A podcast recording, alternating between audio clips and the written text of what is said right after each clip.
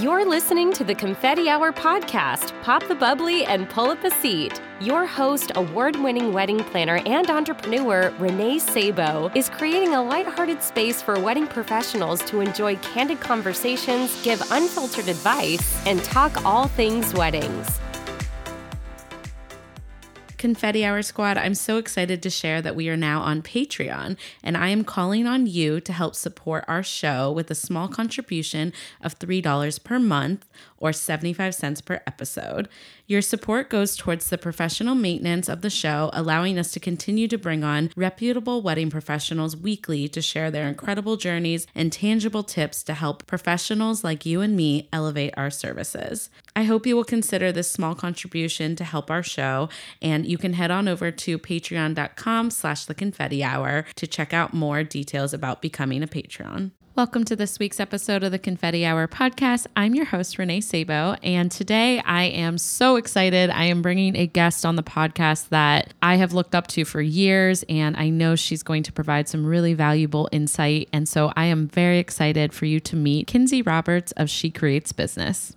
Kinsey Roberts is a marketing coach for wedding pros, co owner of Vista View Events, and an industry educator. She's dedicated to helping women dominate their market and diversify their revenue streams through She Creates Business, her podcast, digital shop, and marketing agency. You can also catch her as a co host on the Venue podcast, which helps wedding and event venue owners navigate all aspects of their businesses within the industry. On the rare occasion she's not immersed in the world of weddings, you can find her spending time with her family and friends, a book, and a cup of coffee within easy reach. You are going to get a peek into Kinsey's journey and all about her impressive businesses and the career that she's built. And she will also be speaking to us on diversifying revenue streams. We will finish up with what she wishes other vendors knew in her confetti hour confessions. Without further ado, please help me welcome Kinsey. Hi. Hi, Renee. Thank you so much for having me. Yeah, thank you so much for being here. I'm really honored. Like I said, I'm a huge fan of your podcast, so I'm kind of pinching myself that you're on my podcast today. Oh gosh, no, thank you. Likewise. I'm I'm very excited to be here and I just truly appreciate the time. Yes, absolutely. Well, so to kind of kick us off, I would love to just hear all about you. I want to hear about like your story and your journey and kind of what led you to the creative professional that you are today. Mm, yeah. Where to start, right? right. Yeah. So in 1987, I was born. No, I'm just kidding, you guys. Yeah. I won't start there. My journey is interesting because it is, well, I guess it's what I mean to say is my journey is interesting because it's not that outlandish. You know, I don't have some sort of like aha moment. There wasn't like some big epiphany yeah. where like the sky opened and I thought, I'm going to be a wedding venue owner and a podcaster. But, yeah. You know what I mean? Yeah, I do. I, I, am the same way. I, I totally know what you mean. yeah, it just all sort of, when I look back now, because hindsight is 2020, I can see all of the different pieces falling together. But essentially, you know, I grew up, you know, always having a job. I've always had some kind of job since I was 15. And a lot of those jobs, as we are all likely, as we've all likely had, a lot of those jobs, especially when I, you know, got older, were sort of in the hospitality and service industry. So, you know, I worked in restaurants, I worked for catering companies. Then I eventually became a manager of the event catering staff at a country club. And, you know, when I was doing those things, I, I can say without a doubt that I, ne- even though I was, you know, helping to coordinate large golf tournaments and weddings and things of that nature. When I was doing all of those jobs, I never thought for a second that I'd be in the wedding industry. I always wanted to be a journalist. And I went to college for one year. Yeah, don't get excited, you guys. I did not graduate because I do not like sitting in a classroom learning about Greek mythology 101. Like I knew oh instantly yeah. that I would never use that. And so I left college to get into marketing because I loved it so much. And so I've, that's what I've been doing. I kind of had a few odd jobs here and there. And then since 2009, which is just a couple of years after my first year of college, I've been in marketing. And that's really what I'm professionally trained in. I never became a journalist. I always thought I would move to New York and be a magazine journalist, but I actually live on a ranch in the middle oh of nowhere, God. Colorado. But, you know, four years ago, I started She Creates Business, a podcast for wedding pros, and I am a member of the media. And I could have never conceptualized being a professional podcaster, you know, 15 years ago. But now that I am, I can see, like I said, all of those little weird journeys that I had in when I was in my earlier years. And then, you know, being a marketing professional for the last decade, I can see how it all kind of fits together. And now I'm a wedding venue owner and a podcaster. And I sort of got into the wedding industry by accident. I always like to tell people, I think it's important. Really? To, yeah, wow. Oh, yeah. Yeah. It's, I never, I love to tell people because, you know, Renee, we hear these stories a lot. Like we hear people's backstories. And a lot of stories start with I planned my own wedding, I planned my sister's wedding, I planned somebody's birthday party. I've always loved parties. I love put, bringing people together for their most important moments. And I don't like that's not, I'm none of those things. yeah. Yeah. yeah. I, I am none of those things. Like I did plan my own wedding, but I didn't, I did not enjoy it. I didn't really, it's not that I didn't enjoy it. I just didn't care. I was just like, hey, cool. Like this, I let, you know, yeah. I only planned my own wedding because I like to be in control because I'm an eight on the Enneagram. That that's the only ah. reason.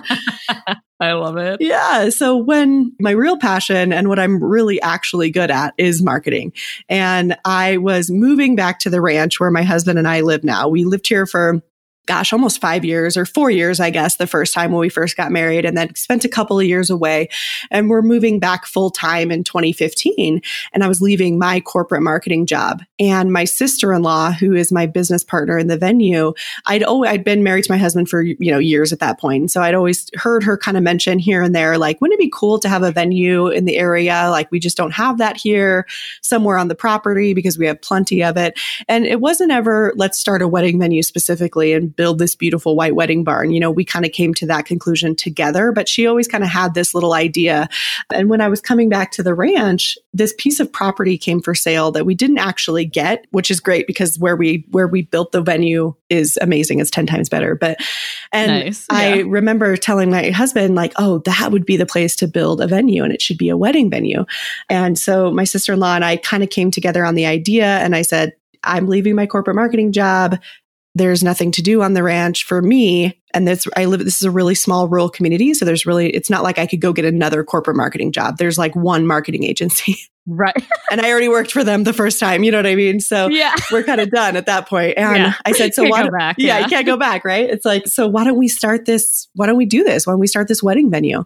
And we did. We we said okay, and we hit the ground running at the end of 2015, kind of conceptualizing all of our ideas. And by early 2016, we were in the game. Wow. Yeah, we were in the game, Amazing. construction, all of that. For me, for my part, you know, guys don't think I was out there swinging a hammer. I definitely wasn't for my part, I was building the website, all of our digital assets and, and creating all of our marketing funnels so that we could start to gain traction just from word of mouth and people recognizing our brand before we opened in kind of mid 2017. And that's how I became a venue owner. It wasn't, I became a venue owner because I like business and I like to grow businesses and I like marketing. It's not because I desire to, you know, it's not because I love love or anything like that. I love my couples. Don't get me wrong. I love service. That's part of business, right? And I think that's one of the things to be important.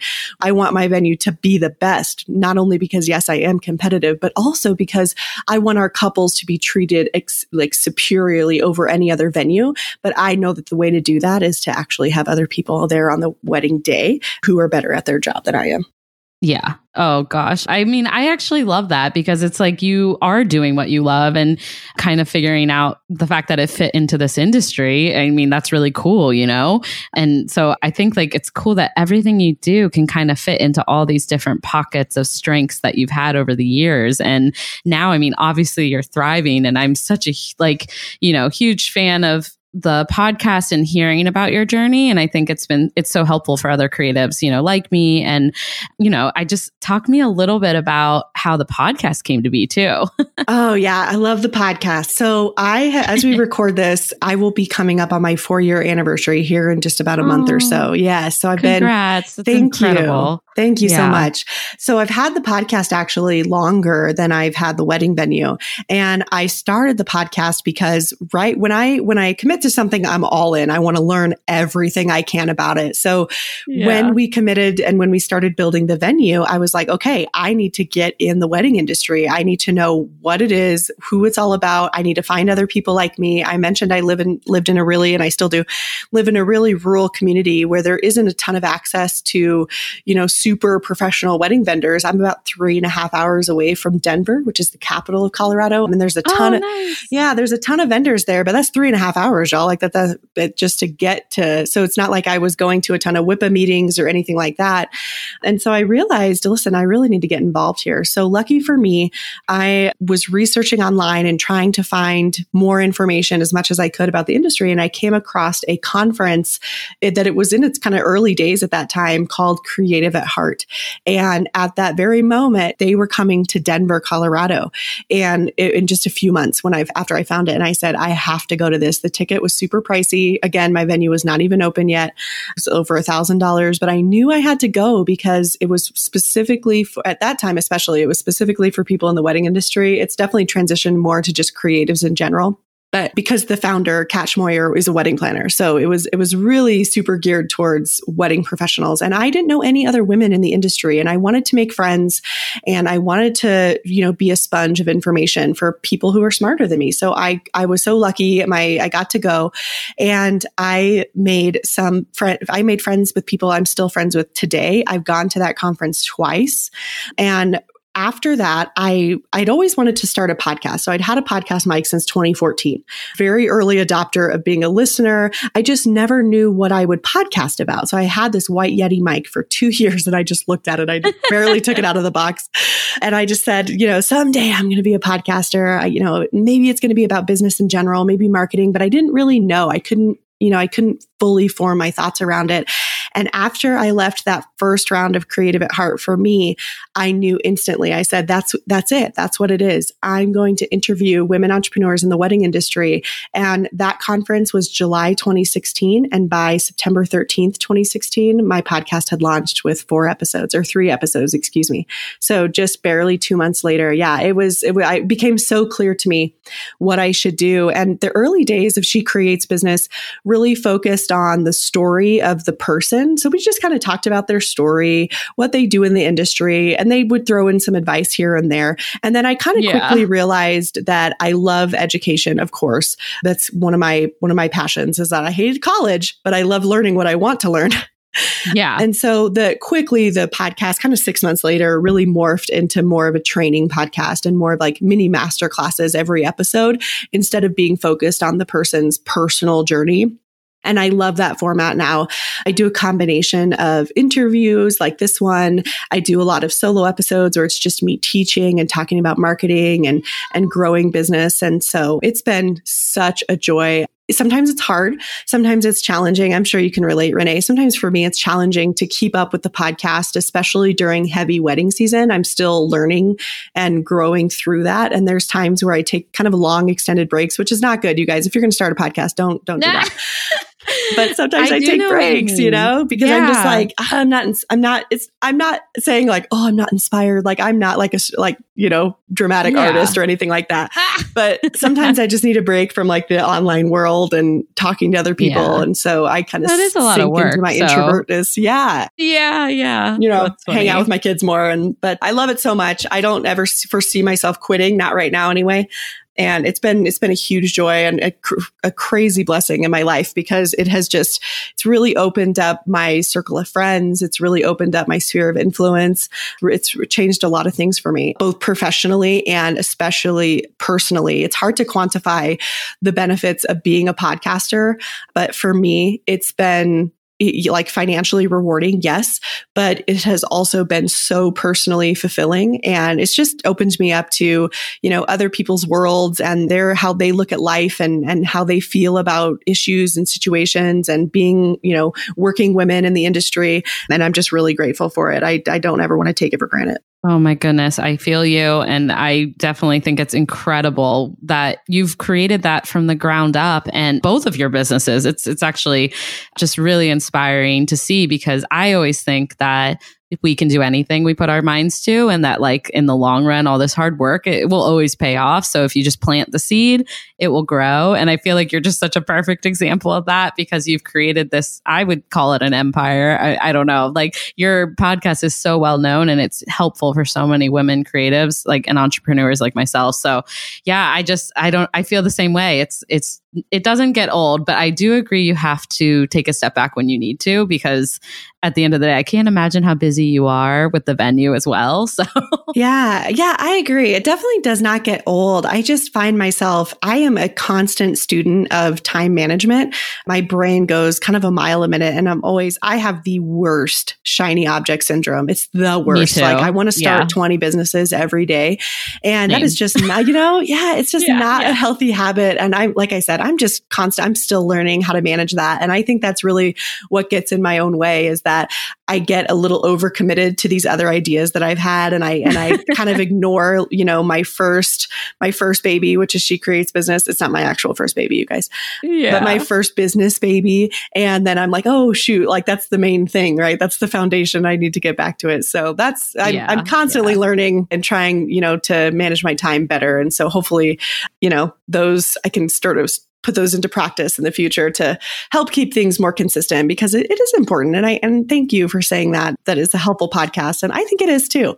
Uh, and consistency is key, and it really matters. Yeah, I agree. And no, and I did the same thing recently. A lot of my listeners know I, during this pandemic, especially because we're recording this, you know, in what is it, end of July, mm-hmm. in the middle of 2020. What a year. And I, I had to kind of take a step back because honestly, it wasn't really keeping up with the, mo- like the weekly episodes that I do, but it was actually the topics that felt heavy.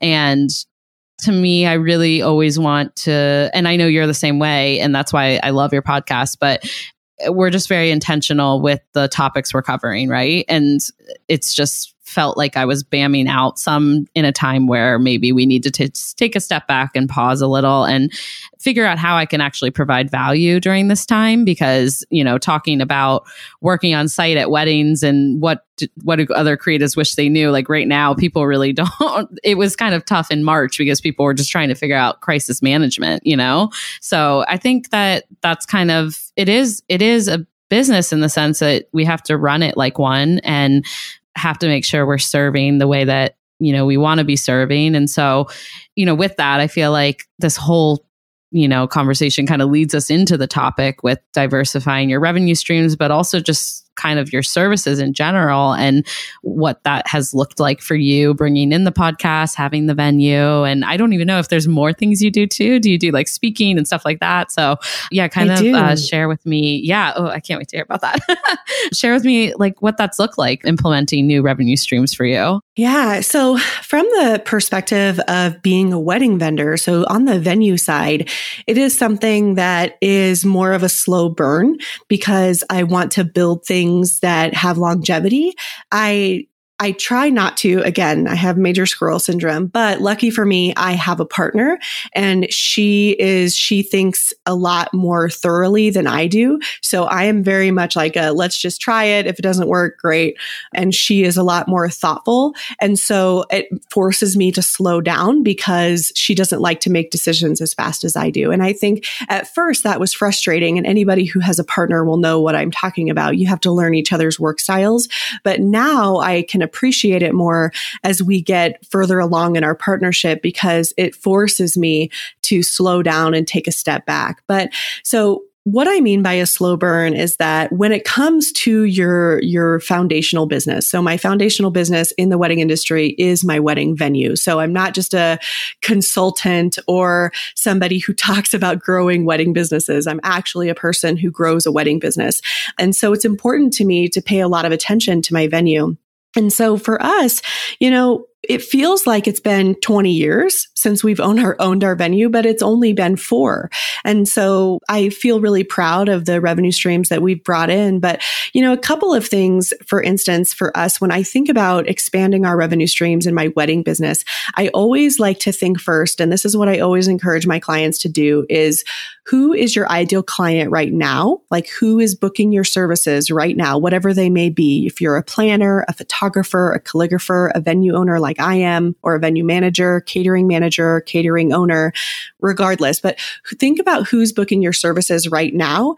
And then ask yourself and actually document this information. Ask yourself and document what are the times they've asked you if you auth- offer other services or and or what are the times they ask you for referrals that are other services. This is a little bit easier as a wedding venue because in the sales cycle or excuse me in the booking cycle of a couple, we typically get booked first. That's not always the case. I'm not saying right. that that's an overall rule. There are times where they just know that they want to have XYZ photographer or XYZ planner. But I would say probably, you know, seven or eight times out of 10, the venue gets booked first.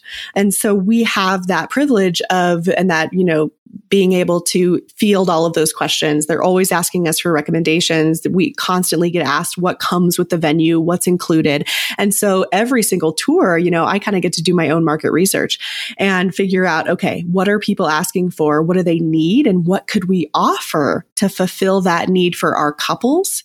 And what makes sense in our business model? But it's not just venues that can do this. Like I said, you can all do it. I know you all answer questions all day long for prospective, current and past clients. And so I like for you to look at your business now. What are people asking you about? What are they asking you for referrals? And then figure out, like I said, what fits into your current business model? What can you authentically offer? And don't, and you know, ew, the word authentic, but I mean like what's authentic to you. I don't mean like, let's all be genuine and transparent and yeah. show people, you know, all of our stuff. What I mean is what authentically fits into your business model, right? Because I'm a business builder. I don't want to talk about emotions right now. And don't be emotional about it. That's the other thing. We can't be so precious about our business because I think it blinds us to what could actually work for us. So one of the things that we started doing is we, I'll give you a couple of examples for the venue because I think hearing real life examples can help you start to work through you listening, help you work through what you could potentially add into your business. But for instance, at my wedding venue, we used to require a professional planner and we still do. But what we did was we folded that into the venue that we already, uh, that it was included. We raised our prices and then we outsource now to professional planners in our area. So there are preferred planners. Not only do they own their own businesses like you do, Renee, but they yeah. also partner with this venue and they get paid from us to do our clients. And that is such a, why did we do that? It's like, oh, but then, you know, you leave out all the other planners. I disagree. I think that that is a better experience for our clients. We have we've cultivated relationships with incredible local planners. And that is a not only is that a, an extra watch this not only is that an extra stream of revenue for us but it's also an additional stream of revenue for those planning companies. Those are weddings that they have to do goose egg marketing on because it all comes from my venue. I've already done it. I've already secured the client and we just pass them the dates that's and so, awesome. Yeah. Yeah. Yeah. So that's one way that we've increased our revenue is by folding in a service that we were requiring anyway. We wanted a little more control over it. All of our clients needed it because of course we required it. And we realized, and you guys will too, as you get to know your ideal client, we realized the type of client we were attracting wasn't necessarily like, oh, I'm booking a full planning package every single time. No, that wasn't our client. They're very much partial packages or more so event management, you know, know, wedding management, month of management, whatever you guys like to call it. Please don't at me about your day of coordination stuff. Like I cannot. Uh, everyone's different. It's Everybody's crazy, different. You know? I know. Everyone's yep. like, don't You're call so it day funny, of coordination. like semantics, you guys. But you know what I'm saying. And so yeah, when you get to know your client that way, then you can start to offer them. And when we started including that, the feedback was incredible. People would say all the time, Oh my gosh, I'm so glad you include it because all the venues I've toured require it, but I don't even know where to start with that. I don't even oh, know what wow. it means. Oh, and Brilliant. Yes. Yeah. And so we are like, cool, come on. Like you don't have to think twice. We have incredible planners. We've already vetted them. And here's the great news. When we were requiring outside professional planners, the ones we hired now that will be with us for the 2020 and 2021 season and beyond, we they've already been to our venue. So right, exactly. They've already worked That's here. That's how we got to know them. both ends. Yes. You know? Yeah. Yeah. So that's one example. Another example for wedding venues is we constantly got asked about transportation. So how do we get here? Do you have bulk transportation in the area? What does the transportation schedule look like? And so, you know, this isn't something we were able to do in the first year again, because mostly we sink a lot of our profit back into the business. We pay our investors. So I don't want you guys to think that, you know, my wedding venue is just like a cash cow in, directly into my bank account. But in the third, in the this third year, we were able to do it. So we purchased our own shuttle, and now we have our own in-house transportation. It's a separate cost from the venue, but guess who needs it? Every single person who books the venue. Oh, I bet. Yeah. yeah. So that's the reality, and and it's important to think of your revenue streams you know, for us as a venue, the shuttle itself the uh, especially the way it's priced the shuttle itself is not necessarily like our cash cow right? It's not yeah. that the shuttle is going to just you know make our revenue we're not going to like double or triple our revenue just because now we have a shuttle. What it will do though is it will encourage people to book more with us. So it's really more like a marketing ploy. The shuttle wasn't that expensive overall. It was just a few thousand dollars more than what we spend on our yearly listing on the knot. And so you know what i mean? Like and when you start to look at things things that way, you can really start to conceptualize how they fit your business. So it's important to look at things, not that everything everything doesn't have to be your cash cow, right? It doesn't have to be the golden ticket that Willy Wonka has. It can actually be a funnel into something else. So we know that the shuttle isn't going to make us a million, but what it will do is encourage people to book faster because we have what they need. We're sort of becoming all inclusive without being all inclusive, if you, if you know what I mean. Mm-hmm. I love that. I think creating this value for your clients, making that easy yes for them to say, exactly. it has everything I need, or they've thought about everything I need. You know, it's just that it builds the trust too with your clients. Like you thought about every angle of hosting an enjoyable experience for them. So I, I love these examples. It's so helpful. And I was actually thinking, so my brother lives in Denver, actually, Kinsey. Oh, and shout I out, brother. a wedding. I know. Shout out to Tony. And I planned their wedding in Littleton, Colorado. And we actually, it was gorgeous, of course. It was stunning out there. And they live in Golden. So they, I'm like sharing Love. their whole, but I, I, shouldn't share their address. No, I'm just kidding. Tony's social security here. number is. Yeah. you know, they're going to be like, Renee. No, they don't listen. No, I'm just kidding.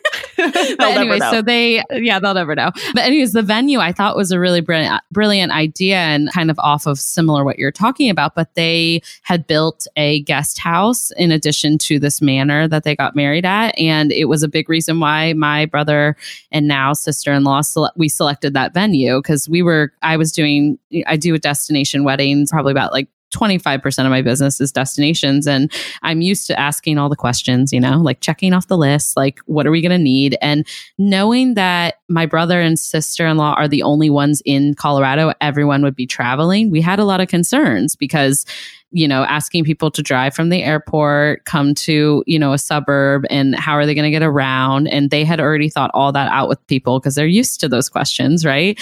And for us, it was like an easy yes. And it's like almost like take my money. exactly. Yeah. But like you said, I don't think that those were necessarily their major revenue streams, but it helped us solidify the venue rental and the reason for going with them the overall like sale for them was just the fact that like they had made it so convenient for us planning a destination wedding to give our guests like a really easy experience. So i don't know i just love everything that you're saying you've done with your venue and i see a lot of similarities in certain properties or maybe just colorado you guys are rocking it out there so. Oh my gosh yeah we're not the only ones at all. Uh, there's yeah, so many amazing vendors yeah but it's true. So and that's not to say so don't hear what renee and i are not saying we're not saying that your diversifying revenue shouldn't produce profit. It should, absolutely. Otherwise, what's the point? But in some cases, it's important to understand the difference between what is actually going to increase your bottom line, like specifically that thing, and what is going to increase your bottom line by shortening your sales cycle. So the transportation, uh, in our case, the on-site house in the venue, in the case of your brother's venue, those things have shortened our sales cycle, which allows us to book more couples. And the venue rental, right, at this up to this point is our main source of revenue. And then so when we can shorten our sales cycle, all of a sudden our calendar is booked faster. That is all increase in revenue. That is still diversifying your revenue. So I like to give people, you know, it's not just about like adding a service or adding a package. I think we go to that directly, but it can be so much more than that. And it can actually help you expand your business into directions that you never thought you might go. Yeah, absolutely. And I, I love kind of what you said earlier. And it's just about being open minded, right? About the opportunities, you know, because I think some people may be quick to say, oh, that's that's not going to bring us any money. So let's just shut that down. And it's like, no, I, I think be open minded about the opportunities that you can do with your business because there's there's room for growth in places that I mean like there's room for growth in places that you wouldn't expect. So even for instance my podcast this was never something I intended to make a revenue stream but the more I got into it, I was thinking, oh, I really enjoy this. I really want to pour a lot of my heart into this. And, you know, in order to do that, it takes maintenance. It takes things in the back end in order to run it. And so I had to start thinking about it like a business. And it's crazy how much it's grown. And so I think it's like never limit yourself because there's so many things that may come to your mind that you can do and it and it can help either your bottom line or maybe it is going to be your cash cow you know you just never know so. you just never know that's never exactly know. right and i think it's important too especially as we record this you mentioned renee we're still going through covid-19 hopefully you're as you listen to this in the future you're we're well beyond that and you are looking back on the other side yeah and you can say yeah. gosh remember 2020 remember how crazy it was but so I think it's also important though, you know, since March of this year, since coronavirus hit us and we were all in crisis management mode, as you mentioned, I think a lot of people have been thinking really nearsighted and what can I offer right now? Like what do, what should I, how can I, you know, change my entire business to fit what's happening. And I see a lot of talk about like micro weddings and planning small weddings. And I think that that is great on one hand because it means you're a hustler and you are doing what you need to do to help your business survive this year. And that's phenomenal. Don't don't hear what I'm not saying. I think that's wonderful. Like if you have to go get a full-time job to make it happen right now, good. Like do whatever. But I also think it's important to remember the long game in your business, especially, you know, the micro wedding thing kind of gets me because it's interesting because we're like, "Oh, now planning micro weddings for 2020." And it's like, "Yo, all these people already have their weddings planned. they're actually just trying to figure right. out how to cut their guest list. Like they're not starting yeah. at the beginning with, "Okay, yeah, plan an entire micro wedding for me." And so I feel like there's a bit of a misnomer with these micro weddings. And it needs to be more like the messaging around them to me should be more like, let us help you turn the wedding you had planned this year into a micro wedding instead of like now booking because nobody's getting married in 2020. Like if they were not already on the books, they're not getting married because coronavirus is real. It's like only the couples that were trying to exactly. get married. yeah, exactly. Everyone's like, I'm engaged. See you 2022. Great. Yeah. You know what I mean? And so I got an inquiry for 2023. And see, I was like, oh my gosh. Oh my gosh. crazy. I know. I Is don't even. Happening? It's crazy. Yeah. We are booking for 2022 already. And I'm like, wow. wow I believe wow. it. Yeah. So what I mean to say is again, not that you shouldn't be a hustler, not that you shouldn't be thinking what you need to do to survive right now. That is true. But also I want you to think about the longevity and the long term and the long game of your business because when you have foundational practices that can help you stay consistent in the long term, that's actually what will save your business. Coming up with random packages because you think that's what people you need to do right now because there's random restrictions may not be the best fit for you. I know that micro wedding sounds cute, but really it's not the best fit for all markets. I mean, take my venue, for example. Our couples are sad. You know, they have to cut down to 50 people. And that's actually been really challenging because our venue is 5,000 square feet.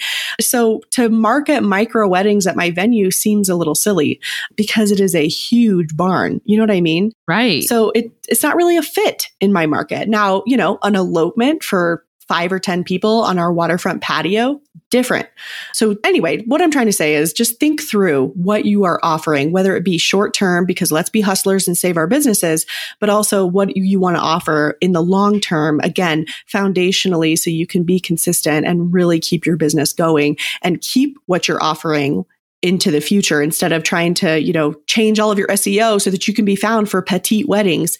And then all of a sudden everything's fine, you know, in, in 12 to 18 months. Right, exactly. And it's it's so true. I'm so glad you brought this up because it's something that I struggle with as well. And like you said, markets we are all in different markets. We serve different clients. And so it's like really taking a step back to see what that looks like for you. I've had maybe, you know, out of the 10 to 12 clients that I work with on a f- full service basis a year, I've only had two that wanted to get married this year so far. So a lot of them just they they invest a lot in their day and they want to postpone it. And I am getting some increase for micro weddings, but they were cl- clients that were already planning to get married and they just now really need the help of a planner because they're just emotionally drained, right? So I think And for me, it was like, is this worth it? Because I'm still I'm still working on some large projects for 2021. So, you know, can I a micro wedding is still just as much work.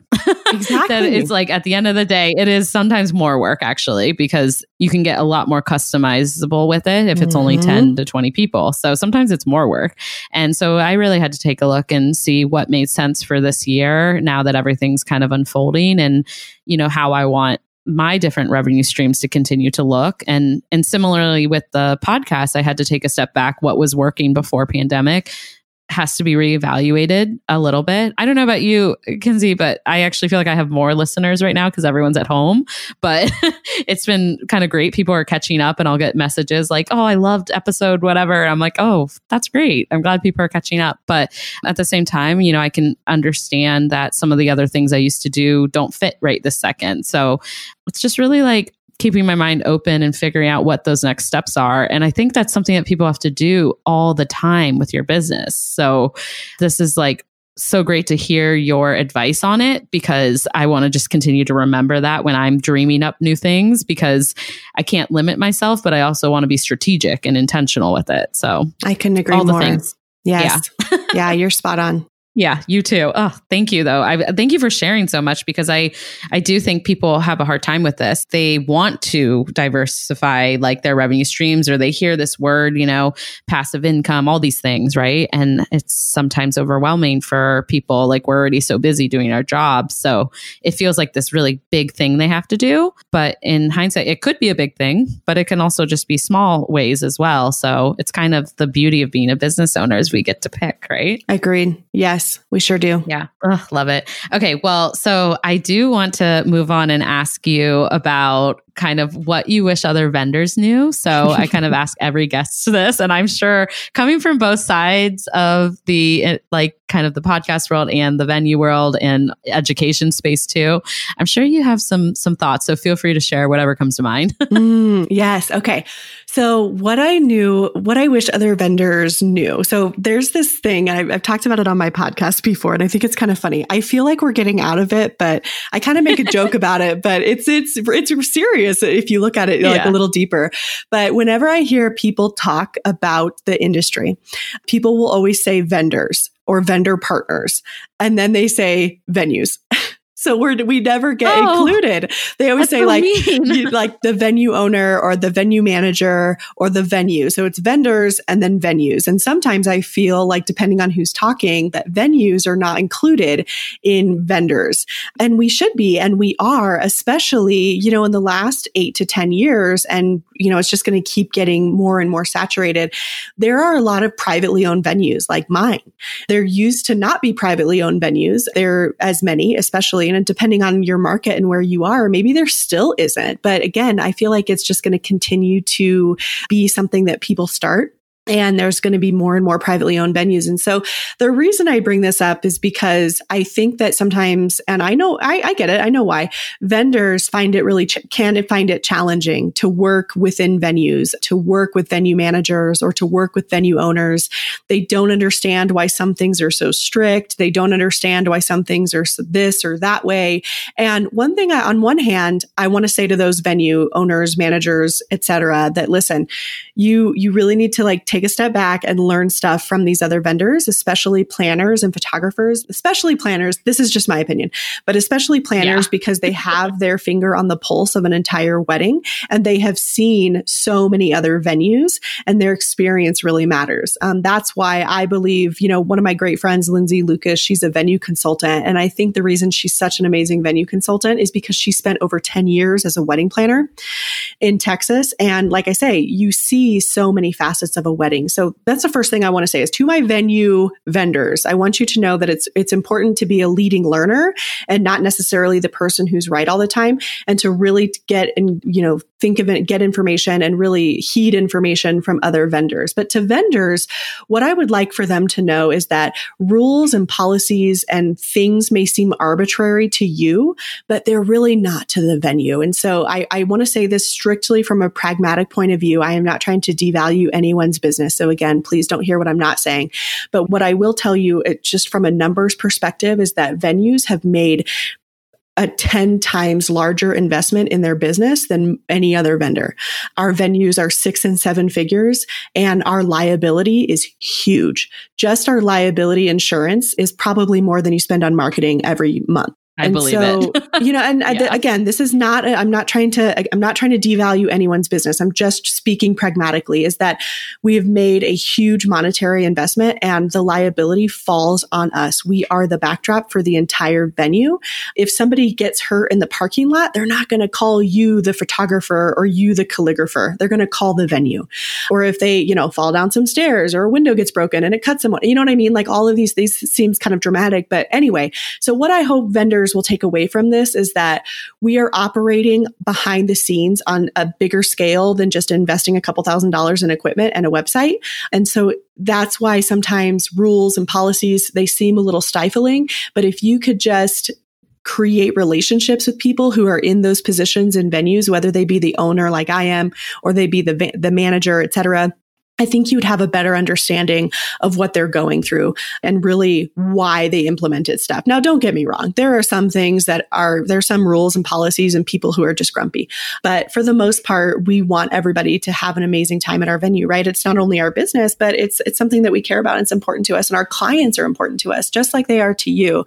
So anyway, just keep that in mind and keep that in the back of your mind and, and really try to understand when you feel stuck, when you feel stifled at a venue, just have an open conversation conversation and really just try to understand, hey, why do you have it this way? Because there there's a story that you don't know. Like let them tell you the story and then maybe you might understand. Like for us, we recently cut our last call and last song at 9:30 and some people are like, "Oh, that's that's really early." And we're like, "Listen, we are out in the middle of nowhere. These are country roads. There is no reason for anybody to be driving these roads at midnight or 1 a.m. Like there just isn't. Like we have there's and I don't feel bad about that. Like that's a certain kind of person, that's a certain kind of party to be going yeah. to 1 a.m. And I just have no interest in hosting couples like that. So, and when people hear that, they're like, oh, okay, cool. Yeah, there's a, there's a reason. yeah. And it's all in the greater mind of everyone's safety and like, you know, just the flow of the experience for everyone. So I, I, this is like one of my favorite ones I think that someone shared because I, constantly have this mindset that like the whole purpose of that question honestly is because I just want people to have a better understanding of each other and for us to work more as a team and not as these different yeah like you said venue vendors. Like I'm going to be very careful about that moving forward now Kinsey because I definitely always think of you as a venue. Those are my creative partners in everything. And so I'm never really the planner to assume anything. Like I want us all as a collective team to come to the same conclusion so that we can present it to the client and they can feel really good that we're all on the same page because each of us bring a different outlook and level of experience and like you're saying people falling down the stairs or the liability like all these things that you guys have to think about is not necessarily something that the photographer and I have to think about when we're creating the timeline with people you know right. yeah. so it's like it's a better experience for everyone if we're all in it together and on the same page and I think sometimes we hear that you know, like that venue's a wedding factory. They don't care, you know, to talk about all the nitty gritty details. And you even the properties here in New England that have a lot a large, you know, say three weddings a weekend, I find that they always care. They always want to know all the details. And so I kind of hate that mindset that is I, I, do think you're right. We're moving out of it a little bit. I do too. But we totally Yeah, are. it definitely was a struggle because I'm like, I'm still gonna be over communicative because I would rather just never assume that they wouldn't want to know those details. Like I just figured they would, you know, because it's probably on their minds. They want to check things off their list and make sure everything's in order too. So, yeah, yeah. absolutely. Great venues do. Like I said, there's, yeah. there's, we've all had experiences with venues and vendors and that we are, we don't want to repeat, of course. And that's, that's just the of way course. it is. That's the way of the world. And so I'm not saying venues are perfect by any means. Uh, you know, you, you guys know best, but also I think that relationships are so important, especially when it comes to a wedding, because I couldn't agree more with you, Renee. We all have to operate as in one system. Like it's our little village and we have to make sure the party goes off without a hitch. And so if the vendor village can operate seamlessly in the background together, then that's what really makes a wedding really powerful because the guests and the couple can sense those feelings. So if you have a bunch of vendors who don't like to work together, who are not getting along, there's tension, they can easily absorb that. And so I, I feel like it's so important for all of us to work really hard together and work well together and communicate well. And part of doing that again is is having relationship and asking for the answer. You know, if, like I said, if you feel like a venue is is kind of stifling your creativity as a planner, what have you, uh, just ask. Just say, listen, here's what's happening. Like, tell me, tell me more about this, and then they'll tell you, and then you can kind of see, like, you can come to an understanding. And here's the other thing: they'll appreciate you asking, and you might get what you want anyway. Right. Seriously. Most of the time it is like that because they understand why you're asking too. It goes exactly. both ways, right? Yeah. So, if somebody asks me something like, why do you have this rule? I'd love to go down to whatever. I'd love to take pictures yeah. here. And I would say, well, this is why. And then they say, oh, I completely understand. Like, here's what I would do to mitigate that. And then I trust that person. Yeah. I love that. Oh my goodness. This is a good one. Thank you. Yeah, you bet. Yeah. Okay. Well, so next up, what I'm going to have ask you to answer, if you are open to it, is a confetti hour confession. Do you have a good one for us? okay. So I have two confessions. Yes. I have two confessions. So you guys will, you'll appreciate this. So one time my venue is on our family's ranch. And so I live very close and somehow people understand that. Like they, they understand that I live very close to the venue. And what, what happens, especially before we were, when we were, especially now, like we get super close to our couples, especially now. Right. And so one time I had a bridesmaid ask me if I had a pair of Spanx at my house that she could borrow. What? And I, I'm not kidding you. And I had just met her the day before. This is how close I am with my couples, you guys. Like, I don't like See, to be at weddings, that. but we're so close. I want them to have an amazing experience. And she goes, Kinsey, I don't have any Spanx. The dresses were light blush. She's like, Do you have any at your house? And I'm not small, you guys. Like, if you look at me and you looked at this cute bridesmaid, I'm just like, Yes, I do. So I drive to my house. I get these Spanx. I let her borrow them. Of course. I'm like, Yes, absolutely. This is the weirdest thing I've ever let anyone borrow, obviously. I just expect yeah. her to keep them, which I don't care about. It's like, I will go buy another $40 pair of Spanx. Not a huge deal, right? No, ma'am. She takes those sweaty Spanx off at the end of the night because she was chilling on the dance floor all night and sees me at the end, hugs me, thanks me profusely. I don't see that she's holding them and puts them in my hands. yeah. and like, thank you so much for letting me borrow these. And I was just like, you're welcome. Oh uh, my god! Thanks for that returning so them. Awkward. They, it was so awkward. Luckily, I have like an amazing poker face, but I went straight to the kitchen and threw them away and washed yeah. my hands.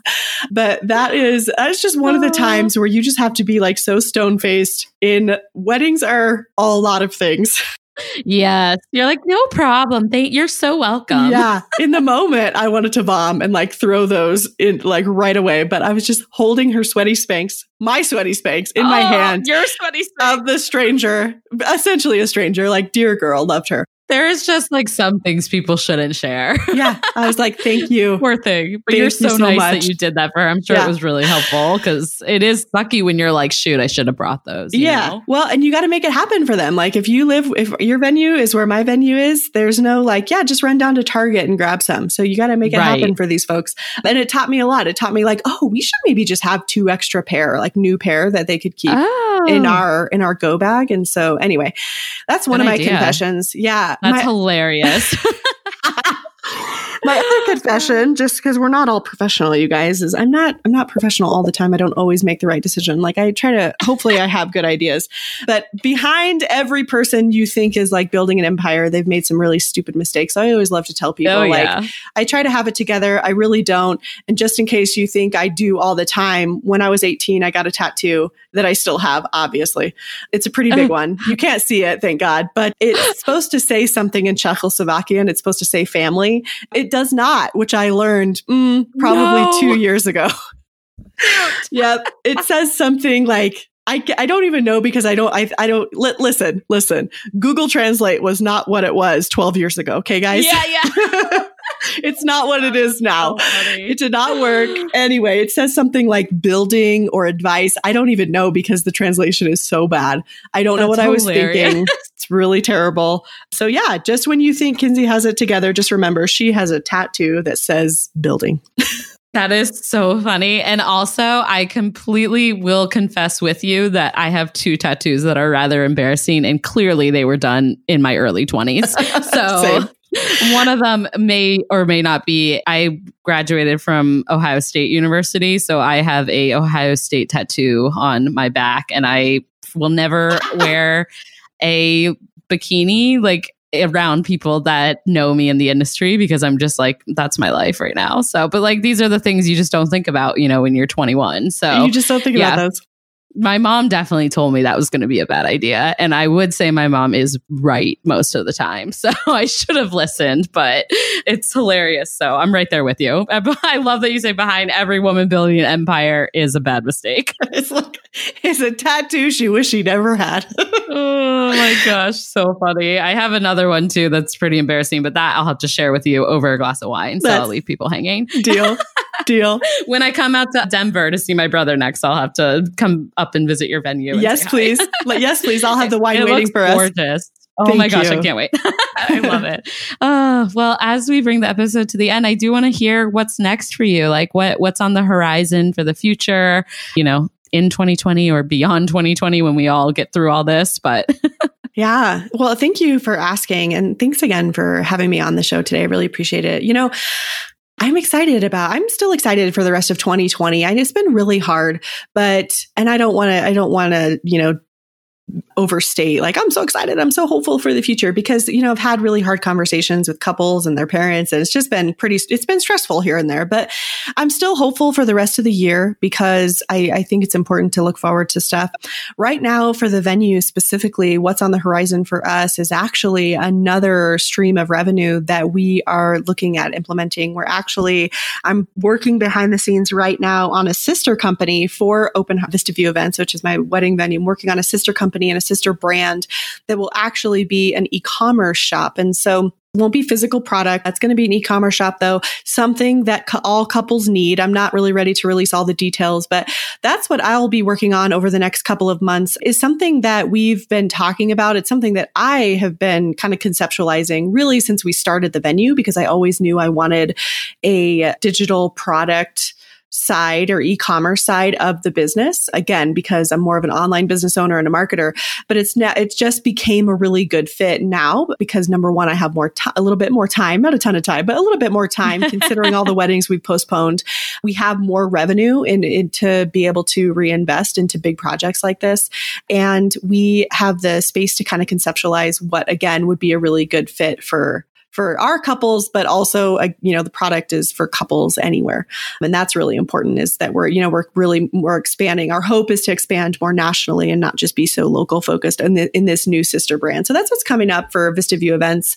What's coming up for the podcast is to continue to publish episodes Tuesdays and Thursdays, really making more of a transition into my marketing side. So I spend a lot of time just doing interviews and not as much time teaching and consulting and coaching on the side of marketing. So that's really what's coming up in 2020 and beyond for She Creates Business. And, you know, beyond that, uh, the both of those things are fairly large projects that'll extend into 2021. And that's kind of what I'm looking forward to. So that's what we have on the docket for the next, you know, 12 months. Oh my gosh, so exciting. I can't wait to support and see like your launch with, you know, the new business and yeah, congrats. It, it is, you know, I think that we still have to look forward and, and it's great that while there were a lot of hard conversations, a lot of sad things that came out of this year, there's also, you know, some good that is definitely coming out. And for us, you know, being able to, to have a little space to dream and create you know, I definitely have been leaning into that as well, just to stay positive. And so I'm excited for you. I can't wait to like support and see all that you do. And yeah, I, thank you so much for coming on the podcast. And like I said, it was really an honor to have you. I've been such a fan of yours for so long and you, everything you do for our community. Can't thank you enough. So, but before I actually let you go, I do want you to share where everyone can find you. Oh, thank you for the opportunity. You can find me. You can just Google She Creates Business podcast and you will find me. I'm all over the internet as She Creates Business. Awesome. And I'll obviously tag all this down below in the show notes and post on social media with it. But yay. Thank you so much again. Renee, thank you very much. It's my pleasure. Amazing. Everyone, go follow Kinsey on social media, and I will link all this down below. You have to check out her podcasts, both of them, and I'll tag all the links down below for you. But isn't she wonderful? I'm so grateful. Thank you, Kinsey, again for coming on. And that concludes this week's episode of the Confetti Hour podcast. I hope you all love tuning in and hearing about Kinsey's journey and all the incredible businesses that she has to offer our community. Please subscribe so you can stay tuned for future episodes. And if you are tuning in on Apple Podcasts, I ask you kindly to leave a review for our show.